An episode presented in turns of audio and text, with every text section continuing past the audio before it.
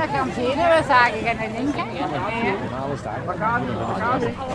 Is er minder valide, is er wel laag. Dat kan toch niet, ja, dat er geen Ja, want dat is er leren, zeg. Ah ja, we toch, die minder valide, die hebben toch daar. Ja, maar die raken dan niet meer binnen. die maken Dat is echt. Gewoon niet. Ik weet niet, seniors gaan kijken daar, maar... we zijn daar gaan zien. ik bedankt. Ja, hè. schrap kijken daar. Ja. Merci, ja. Het is de voorlaatste week van december en in Hasselt vindt voor het eerst de warmste week plaats. Op de eerste dag van het evenement mogen fotograaf Sven Dille en ik hoofdinspecteur Zino Toele volgen. En zoals dat altijd gaat bij het begin van een event, er loopt wel eens iets mis. Terwijl we met Sino de toegangspoortjes op het terrein controleren, want die zouden nogal moeilijk draaien en af en toe zelfs helemaal blokkeren, zien we ineens twee dames een rolstoel over de hekken tillen. En dat terwijl er een paar meter verder gewoon een minder valide ingang is. Dat is dus duidelijk niet de bedoeling. Commando voor de LRA 905 voor de Silver. Die ging hier toch de hele nacht staan? Ja, een klein vraagje. Is er een communicatie geweest in zaken de toegang voor de minder valide? Want die eh, is blijkbaar niet meer rechts van de hoofdingang. Oh ja, misschien nog even erbij vertellen dat Sino een oortje in heeft voor de radiocommunicatie. Daarom hoor je het antwoord van de commandopost dus niet. Ja, Gert, ter info. Die ingang die is links, maar is dat intern gecommuniceerd? Want de mensen van de security die, eh, zijn die rolstoelen over de herenshek aan het doorgeven. Dus die zijn niet gebriefd dat die ingang naar links is verplaatst. Ja, dankjewel, want we staan er net bij en die weten van niks. Hè. Dus die zijn waarschijnlijk niet gebriefd geweest. Ah ja. Ja, daar is dat nu. Ja, right. Maar ziet, je hebt het toch verhuisd. gezien hè? Ja, eerst was dat daar, man. Ik ben naar die kant verhuisd. Heb jij iets van Ja, alleen zo briefing. Ik heb dat juist gezegd, dat ze nog eens moeten verspreiden. Ah, dat is goed. Kant is dat niet. Dat dat je moet overgeven. Ja, want dat is niet te doen zo. En hoe gaan de... Dit is Achter het Uniform, de podcast van het Belang van Limburg die je een exclusieve blik geeft achter de schermen van de lokale politiezone Limburg Regio Hoofdstad. LRH. Dat zijn 450 personeelsleden, van korpschef tot onthaalmedewerker, in de zes gemeenten Hasselt, Diepenbeek, Zonhoven, Halen, Herk-de-Stad en Lummen. Wij volgen een dag mee bij elf verschillende teams. Ik ben Kato Poelmans en vandaag ga ik naar de warmste week met de politiemensen van de dienst Evenementen.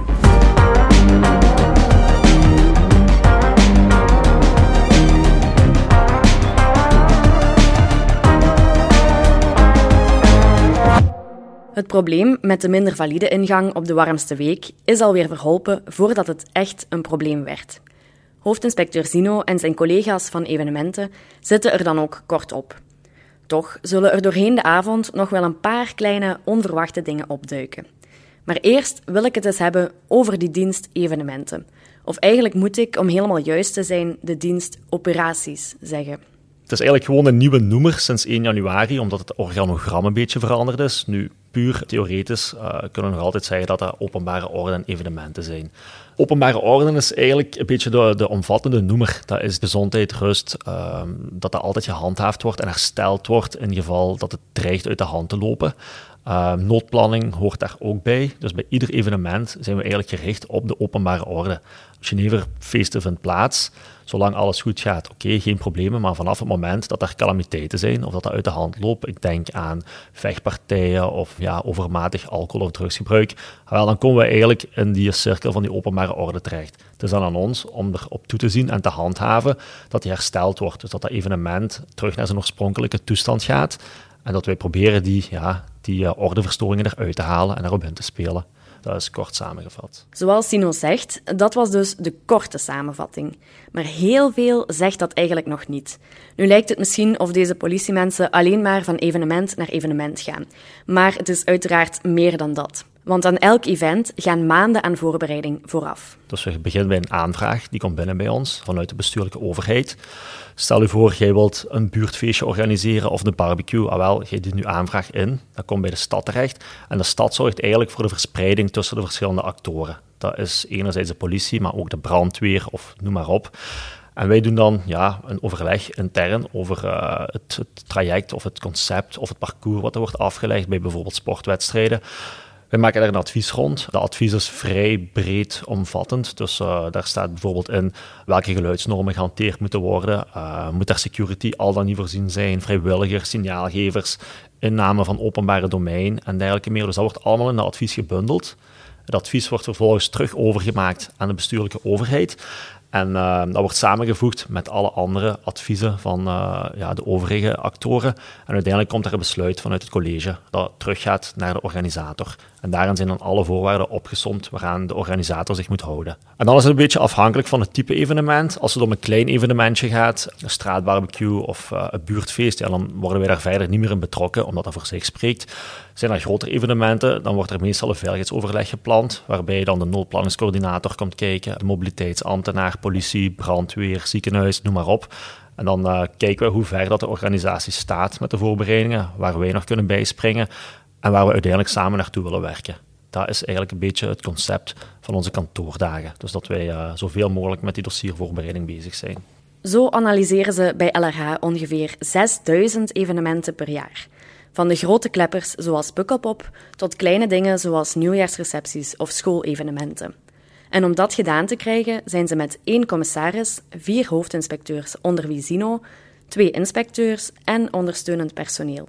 Vanaf de lente begint dan het echte buitenwerk. In de zomer zijn we eigenlijk permanent op evenementen. Vanaf uh, mei draaien wij tot en met oktober permanent buiten bijna. Uh, die voorbereidingen die zijn dan bijvoorbeeld nog maar twee dagen in de week. En de rest zitten wij verdeeld over alle evenementen. Versterkingen op Tomorrowland, versterking in Leuven, noem maar op. Voetbalwedstrijden. Dus dat is heel verschillend. Er is eigenlijk geen constante op te plakken. Hoe laat heb je dienst? Twee. Heb je iets concreet wat je van ons verwacht nee. of zo? Je zit zelfs op ons dienstblad zit je niet ingepland hè, als binnen de orgo Want er staat, nee, dat heb ik gezien, want Je er zit staat bij ons gewoon pit, maar Ja. inzet in het kader van de warmste week. Ja, dus maar dat niet is geen specifiek. specifieke opdracht zelfs. Oké. We hebben uh, Gros zit ook op te rijden uh, als infoploeg. Dus stel voor dat je bel die anders is, en samen op te rijden. Dus het is heel rustig. Nu is het zo, eerste optreden om 7 uur. Nu gaat er wat volk komen. Nu staat de teller op 1200. Er gaat wel nog wat toenemen, maar het is niet dat dat hier een overrompeling is. Wat is de capaciteit maximum? Is ah, 10.000, maar ze mikken op 7,5 vandaag. Mogen we hier blijven staan eigenlijk? Ehm, je kunt die van achter zetten.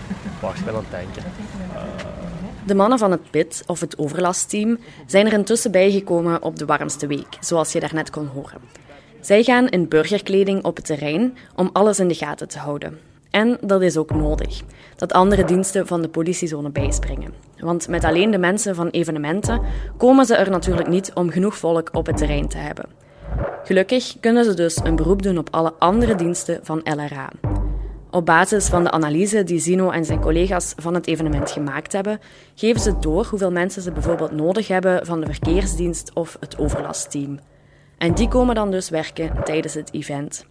Het evenemententeam zelf neemt dan de leiding op zich. warmste week was ik bijvoorbeeld de Silver. Dat wil puur zeggen dat ik de terreincoördinator ben. Dus ik zorg eigenlijk gewoon voor de terugkoppeling tussen de Gold, die zit binnen, dat is de officier, die uh, probeert van binnenuit in een commandoroom zoveel mogelijk info te verzamelen. Uh, die zit daar samen met alle disciplines en de organisatie. Maar uh, de ogen en de oren op het terrein, dat ben ik dan. Dus ik probeer altijd die terugkoppeling van het terrein naar binnen te maken, zodat iedereen mee is in het volledige verhaal. Ik ben ook het aanspreekpunt voor de ploegen op het terrein. Dus als er calamiteiten zijn, als er vragen zijn, of als er problemen zich uh, opdringen, dan gaan de ploegen zich in eerste instantie tot mij richten. Dan gaan we zien hoe we dat ad hoc kunnen oplossen. En is dat niet, dan probeer ik via de Gold binnen terug te koppelen. Kijk, dit probleem doet zich voor. Stem eens af met de mensen van mobiliteit, met de mensen van de organisatie. Hoe kunnen we hier het snelst een efficiënte oplossing bieden? Voor de echt grote evenementen, denk aan het formaat Pukkelpop, werken ze volgens het principe van gehypothekeerde capaciteit. Dat is eigenlijk het HICAP-principe. Hoe zit dat aan elkaar? Het gemakkelijkste voorbeeld is Pukkelpop. Pukkelpop is voor ons een van de grootste evenementen op ons grondgebied. Daar komt heel wat bij kijken qua voorbereiding en organisatie. We krijgen dat ook niet alleen gedraaid met onze politiezone. Dus uh, vanaf het moment dat we merken dat er een bepaalde drempel, dat is een theoretische drempel, als die bereikt is, dan vragen wij versterkingen aan onder de vorm van HICAP. Dus wij hebben bijvoorbeeld nood aan uh, Rago, de helikopter van uh, de federale politie. Goed, wij vragen die op tijd aan voor dat bepaald evenement. Pukkelpop in dit geval. Wij hebben bijvoorbeeld een extra peloton nodig. Dat zijn allemaal mensen die uh, over heel het grondgebied België kunnen gesprokkeld worden. Uh, we zetten die in tijdens Pukkelpop als zijn reserves. Die staan ons bij bij bepaalde basiskerntaken. Dus op die manier proberen wij dan wel uh, die versterkingen van buitenuit te verzamelen.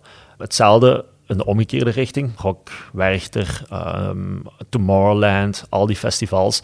Zij hebben ook nood aan bepaalde specifieke teams. Uh, het gauwdiefstallenteam of het overlastteam. Dus zij, vra zij, vragen dan ook die capaciteit. Gentse feesten bijvoorbeeld, ook een mooie. Zij vragen aan ons van, kijk, kunnen jullie zoveel personen leveren om bijstand te leveren tijdens die periode voor dit evenement? En dan wordt dat zo via een HICAP uh, geregeld. Dankzij dit HICAP-systeem kom je natuurlijk wel eens ergens van Tomorrowland tot de Gentse feesten. Het is een heel dynamische werkomgeving. We komen op heel veel plaatsen. Uh, niet alleen binnen ons eigen grondgebied, zoals juist al aangehaald, maar ook ja, over heel België. En anderzijds, je werkt ook heel vaak met andere mensen. Hè. Je komt met heel veel organisaties, andere politiezones in contact. En dat maakt het wel heel interessant. Ja. Maar soms is het ook gewoon niet verder dan de eigen achtertuin. Zoals het Stadspark in Hasselt tijdens de warmste week. Waar de toegangspoortjes nog altijd moeilijk doen. Ik kan nu ook uit ervaring zeggen dat het poortje echt moeilijk is. Ah, dat werkt toch niet, hè? Dat werkt dat hier niet 100 man binnen wel. Nee, nee Je moet straks was er een school. Als je te Maar snel ja, dat is gaat. ja. twee scholen. En dat, dat is echt zo'n heel... En die stonden hier rechts, hè? Na- nee, hier, aan het buiten gaan. Dat was Ah, echt, buiten gaan ja, ook? dat was echt zo'n heel, heel rij. Nee, maar Ja, buiten ja, gaan ook. is ook niet simpel, want dat blokkeert als je Ja. te snel doet. Hè? Dat moeten ze echt Maar dit nu, zoiets, is Ja. dat politie? Of is dat veiligheid? Of is dat gewoon een keuze? Of is dat brandweer? Of is dat... Dat is eigenlijk van de organisatie uit in overleg met To Be Seen, die het veiligheidsdossier Ah ja, ja. Puur omwille dat ze dan kunnen tellen. Dat ze echt willen afkloppen, maximum zoveel volk op het terrein. En eh, dat ze daar niet over gaan. Want ja, praktisch is het niet. Als dat nu niet in werking stond, dan kun je daar gewoon zo doorwandelen. Maar dan heb je geen telling. En puur visueel, we hebben hier camera's hangen, krijg je dat niet ai, gemanaged. Dan weet je niet hoeveel staat er nu. Dat is het probleem eigenlijk, daarom dat ze dit willen behouden. En bij het einde evenement om 12 uur gaan in principe de herashekken open, zodat al het volk in één keer al naar buiten kan. Maar stel dat je nu dat je zegt van eigenlijk is dit niet oké.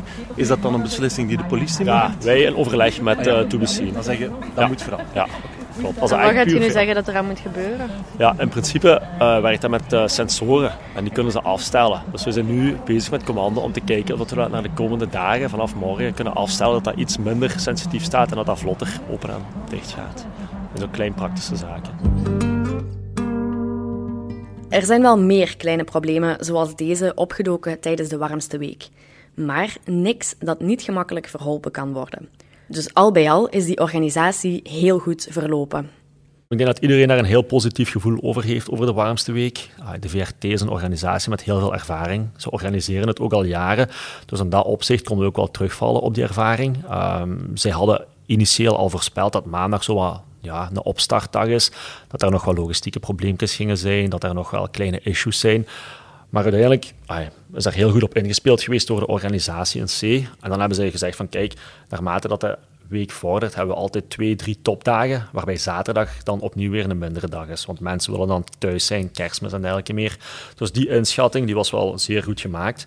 Ook naar de voorbereiding toe. Ik denk dat de informatiedoorstroom, zowel van de organisatie naar ons als andersom, dat die heel transparant was. Dus ook op het vlak van voorbereiding hebben we daar eigenlijk weinig uh, issues ondervonden.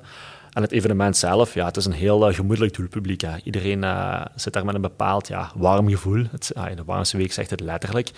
Iedereen komt daar gewoon op het gemak genieten van uh, de optredens. Mensen komen daar ook maar voor twee of drie uurtjes. Die gaan daar niet een hele dag rondhangen op dat terrein. Die komen gewoon de gezelligheid opsnuiven. En in C verloopt dat heel rustig. En dat was bij ons niet anders. Helaas lopen lang niet alle evenementen zo vlekkeloos ondanks de grondige analyse en voorbereiding door het team evenementen. Er verlopen veel evenementen volgens plan, maar er zijn altijd kleine logistieke mankementjes of incidentjes die ad hoc wel heel snel worden opgelost. Maar er zijn ook andere voorbeelden. Ik denk nu gewoon kort terug aan de, de tijd dat ik binnen de dienst operaties zit. Hebben we twee evenementen gehad die me toch zijn bijgebleven. Uh, We Are Young in het Kapermolenpark. Veel besproken, veel in de media geweest. Needle spiking. Dat was mijn evenement. Dus dat is theoretisch is dat perfect beheersbaar. Dat is een heel jeugdige leeftijd. Dat zijn allemaal ja, jongeren tussen de 12 en de 18, als ik het me goed herinner, die naar een namiddagfestival komen waarvan er waarvan er weinig problemen worden verwacht, waar er ook geen alcohol wordt geschonken. Dus de inschatting van die risico's, die wordt gedaan. Er worden bepaalde risicoanalyses gemaakt, die worden ingeschat, beperkt en noem maar op. Uiteindelijk, ja, het fenomeen needle spiking was hier vrij nieuw. Het is daarvoor één of twee keer voorgevallen tijdens een voetbalwedstrijd. Niemand verwacht dat dat ooit op zo'n jongerenfestival gaat plaatsvinden. Dus in dat opzicht ja, is dat wel een heel uitdaging om op dat moment die situatie daar te beheersen. En uiteindelijk is daar ook ja, uit dat onderzoek vrij weinig voortgekomen en is dat een hele heisa geweest uh, met heel veel paniek. Maar ik denk wel dat we dat tot een goed einde hebben gebracht daar. Dat daar uh, zowel door ons als de organisatie heel goed op ingespeeld is geweest op het hele afhandelen van, uh, van het vroegtijdig stoppen van het evenement. Ik denk ook dat ja, zowel de, de ouders van de slachtoffers, dat die opvang goed verzorgd was. Dus dat zijn allemaal ad hoc beslissingen en momenten, zowel met de stad als met uh, de officier van wacht, die wij nemen op dat moment waarvan wij denken dat wij het beste handelen. En uiteindelijk, ik denk dat die, die evaluatie achteraf dat ook positief is verlopen. Ja, je hoorde het goed. Zino had het net over twee evenementen die hem zijn bijgebleven. Ander evenement is uh, Glory 80. Dat is een kickbox-evenement wat vorig jaar heeft plaatsgevonden in de Trixo Arena. Dat bestaat ook al jaar en dag. Um, nooit problemen, nooit incidenten geweest. We gingen er ook vanuit met onze risicoanalyse dat de organisatie daar voldoende security had ingezet, dat dat perfect beheersbaar was uh, door de organisatie zelf. Daar komen heel veel uh, supportersgroepen op af, van uh, verschillende voetbalclubs, van vechtclubs en noem maar op. Daar zijn heel wat VIPs, bekende vechters die daar zelf naar komen kijken. Maar uiteindelijk is dat altijd een heel rustig evenement geweest. Tot bij ons in Hasselt, uiteraard, uh, waar het een beetje uit de hand is gelopen. Op een bepaald moment is er een gevecht gepland. Ik denk de het voorlaatste gevecht is er gepland tussen uh, um, een vechter van Marokkaanse afkomst en eentje van Polen, als ik me niet vergis. Uh, de namen ontgaan me nu. En de aanhang van die Poolse vechter was vrij groot. Dus vanuit Brussel waren er een aantal ja, harde kernen afgezakt van Lego Warschau, de, de zogenaamde Teddy Boys. Uh, ik denk als je ze intypt op Google, dat je ogen opentrekt. En wat gebeurde er? Um, daar gebeurden fusies met uh, supportersgroeperingen van Nederland, van Ajax, van Feyenoord. Dus die begonnen allemaal een groot front te vormen in een bepaalde tribune. En er ontstond wat tumult. Er werd uitdagend gedrag vertoond tussen die supportersgroep waar ik het net over had en uh, de tegenpartij. Daar werd dus gegooid met een flesje, daar werd wat geroepen en uiteindelijk is dat een paar keer uit de hand gelopen, zijn die uit de tribune gebroken, uh, zijn er vechtpartijen ontstaan, is er vanuit de organisatie geprobeerd om daar uh, op in te spelen door het publiek toe te spreken en dergelijke. Dan is dat weer een minuut of twee goed gegaan en uiteindelijk is dat opnieuw ontspoord in een massale vechtpartij waar dat evenement onmiddellijk werd stilgelegd waarbij eigenlijk heel de zaal werd ontruimd. Al onze politiemachten van Limburg zijn toen afgezakt naar de Trixo Arena. Alle capaciteit die wij hadden is afgezakt naar Trixo. Dus was er een, een volledige ja, machtsontplooiing van de politie. En hebben we eigenlijk getracht om die, uh, ja, die grote harde kern van Legio Warschau, om die daar in de Trixo te houden, tot iedereen verdwenen was, tot iedereen daar wat in een veilige situatie zat, om die dan ja, te escorteren naar buiten. En geprobeerd om die mensen zo snel mogelijk daar verwijderd te zien, dat die niet uh, nog het centrum zouden intrekken, dat die niet nog meer confrontaties gingen opzoeken. En uh, uiteindelijk is dat ook zo gelopen. We hebben daar een tweetal uren met die harde kern in communicatie gegaan. We hebben ervoor gezorgd dat die allemaal taxis hadden om terug naar Brussel te gaan. En uiteindelijk is dat evenement op deze manier stopgezet geweest. Toch wel twee, laten we zeggen, memorabele momenten uit de carrière van Zino. En dat is uiteindelijk ook wel een beetje waar voor hem de uitdaging ligt. Dat is stresserend, ja. Maar langs de andere kant, dat is ook ja, de reden waarom dat jij daar staat op het terrein als coördinator. Hè. Als alles altijd goed gaat, ja, dan is er ook weinig uitdaging. Dat is misschien cru om te zeggen. Je kunt de theoretische voorbereiding zo goed en zo slecht maken als dat je wilt. Maar als er nooit iets gebeurt, ja, dan gaat je ook nooit ervaring opbouwen om te coördineren, om leiding te geven, om alles uit te stippelen vanaf het moment dat het slecht gaat. Dus dat is echt die noodplanning die dan aan bod komt, waar dat je uh, even je kopje erbij moet houden en zorgen dat iedereen zijn job naar behoren doet. En gelukkig zijn dat soort uit de hand gelopen evenementen toch nog steeds in de minderheid. Op veel problemen die mogelijk kunnen voorvallen, anticipeert het evenemententeam natuurlijk ook al in de risicoanalyse die het vooraf maakt. En mocht het dan toch nog ergens mislopen, op welke manier dan ook, dan zijn er altijd heel veel lessen uit te trekken. Ik denk dat dat een van de belangrijkste aspecten is, de debriefing en de evaluatie achteraf. Het hangt er ook vanaf welk type of, of de grootte van het evenement dat het is natuurlijk. Maar uh, veelal werken met een interne evaluatie, die dan uh, over de verschillende basisfunctionaliteiten heen wordt gedaan. We gaan aan tafel zitten met de mensen van overlast, verkeer, wijk en dergelijke meer. We vragen naar eventuele suggesties, opmerkingen, tekortkomingen, om zo bij te kunnen sturen naar een eventueel volgende editie of een evenement van dezelfde aard. En achteraf volgt er dan eigenlijk een eindevaluatie, waarbij alle actoren die werkzaam zijn geweest op het evenement, dat die tot bij ons komen of tot de gemeente even terug aan tafel zitten, en dat iedereen gewoon zijn evaluatie overmaakt in groep. En uiteindelijk wordt er één grote evaluatie van het evenement gecommuniceerd naar alle actoren. En daar kunnen we dan mee aan de slag gaan voor een volgende editie. Dat is eigenlijk een één grote leerschool. Dat wordt opengetrokken naar alle evenementen. En dat kan van een andere aard zijn, maar veel facetten van een evenement komen terug. Dus dat is wel gemakkelijk om daar iedere keer op kunnen voor te broeien op die evaluatiemomentjes.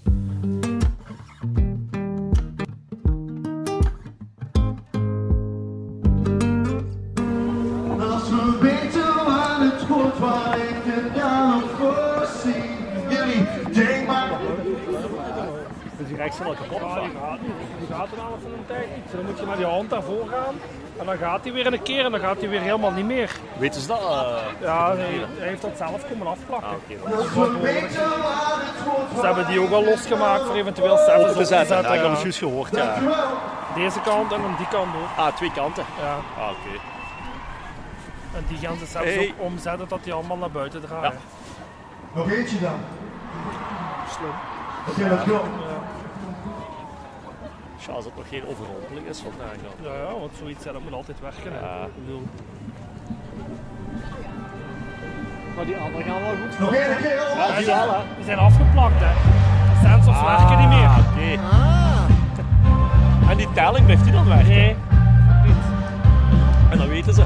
Ja, hij heeft dat allemaal gevraagd en dat was geen probleem, blijkbaar. Dag 1 van de warmste week zit erop na het optreden van Bazaar. En de mensen stromen naar huis. Dat gaat nog altijd niet helemaal vlekkeloos met die poortjes, maar goed, die eerste dag was zeker een succes. En de rest van de week zal dat ook zijn. En daarmee werd 2022 mooi afgesloten. Intussen hebben Zino en het team de evenementen van 2023 ook al netjes voorbereid en beginnen ze al te werken voor 2024. Want dan staan er een paar grote events op de planning. De warmste week is pas gepasseerd. Ik denk dat dat wel een van de grotere evenementen is geweest van het afgelopen jaar. We hebben extreem aan de waarde primeur gehad, wat ook voor ons nieuw was, wat heel wat werk met zich meebrengt, omdat we dan in een heel ander kader aan het werken zijn. Ik denk bijvoorbeeld Rock Herk, Pukkelpop, Geneverfeesten, ehm, dwars door Hasselt. En anderzijds hebben we een aantal evenementen die ja, wekelijks doorgaan, waaronder bijvoorbeeld de studentenfuiven. Dat is een vast gegeven, eh, zowel Hasselt als Diepenbeek. Dat is eh, minimum twee keer in de week dat er TD's of kanters worden georganiseerd waar we op inzetten. We hebben eh, Sporting Hasselt en Hades, die allebei in dezelfde divisie spelen. Ook daar genereren we regelmatig inzetten om te kijken ja, dat die harde kernen toch het contact met ons niet verliezen. Dat we daar kunnen inspelen als het nodig is. Dus ik denk dat dat wel de grootste zijn. Eh, we hebben dan in het verschiet nog de Vierjesse-feesten. De kermis die er aan zitten komen op misschien een andere lo- locatie. Het EK wielrennen.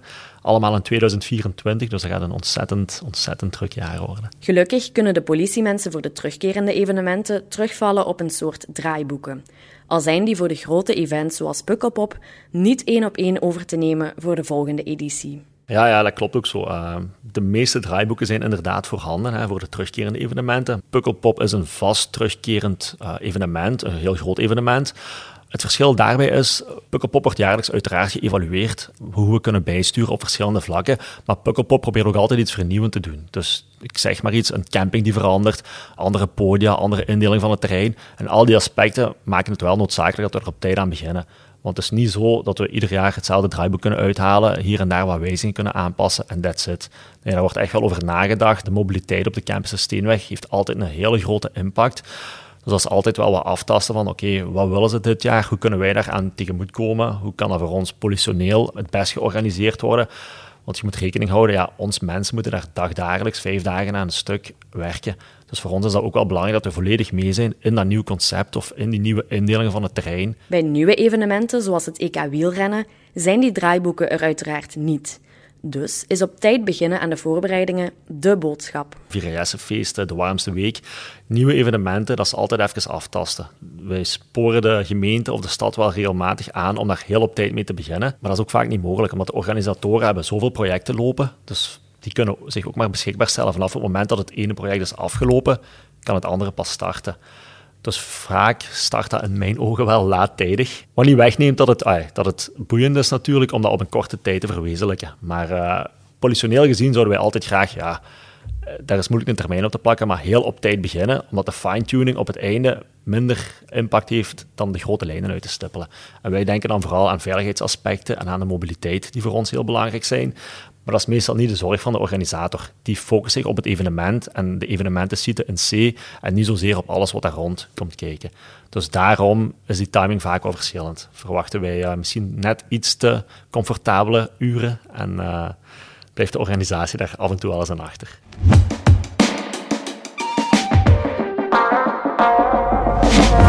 Het lijkt nu misschien wel heel mooi dat de politie al die leuke evenementen kan bijwonen, maar het is niet alleen maar roze geur en maneschijn. Ik denk het moeilijkste op dit moment is dat het voor mij nog een leerschool is. Ik ben een ondankbare periode gestart, corona. Uh, er waren heel weinig tot geen evenementen. En uiteindelijk is dat stilletjes aan terug op gang gekomen. Maar kennis en de know-how, daar ja, weet ik van mezelf dat ik daar nog uh, in moet groeien natuurlijk. Zoals ik al zei, ik heb heel veel bijgeleerd op korte tijd door veel evenementen te draaien. Maar anderzijds merk je wel dat je soms wel hier en daar zo ja, de finesse mist of zaken over het hoofd ziet die voor anderen misschien wel zelfsprekend zijn, die al jaren in het vakgebied zitten. Een tweede zaak, ja, we werken met heel veel pieken. Dus uh, de zomer zit vol evenementen en uh, dat loopt door tot einde van het jaar. Dus uh, ik, we zijn ons daar wel bewust van, maar soms is dat wel een pittig tempo. Augustus is alleen maar pukkelpop. Ja, vanaf dan is het eigenlijk aan één stuk door tot einde van het jaar. Je moet dus als evenementenpolitie pieken wanneer de meeste andere mensen vakantie hebben, maar dat neemt Sino er graag bij. Ik vind dat leuk om openbare orde te doen. Ik vind dat uitdagend. Ik doe dat graag. Uh, het is iets heel anders dan het gerechtelijke aspect, maar ik heb daar genoeg uh, ervaringen opgebouwd in het gerechtelijk gedeelte. Ik sluit niet uit dat ik daar ooit misschien eens terug naartoe wil werken, maar op dit moment vind ik dit een enorme uitdaging. Het is nieuw. Uh, noodplanning is daar heel nauw mee verbonden. Ik leer iedere dag heel veel bij. Uh, niet alleen politioneel, maar ook van uh, een noodplanningsambtenaar, noem maar op, de organisaties op zich. En we komen in heel veel diverse ja, werkomgevingen terecht. Hè. Het is iedere dag iets anders. Ieder evenement is wel anders, ook al is het jaarlijks wederkerend. Toch is dat een ander concept, een andere vorm, andere verwachtingen. De evenementensector evolueert constant, dus wij moeten dat ook doen en dat maakt het net uitdagend. Anderzijds werken we heel veel samen met uh, verschillende mensen. Het is niet zo dat ik iedere week met dezelfde mensen op terrein sta. En dat vind ik net plezant. Dat je toch uh, die band met iedereen binnen de politiezone blijft behouden. En dat je ook die samenwerking onderhoudt. En dat de mensen ook weten wat ze van u kunnen verwachten. En andersom ook natuurlijk. Dat vind ik het meest uitdagende.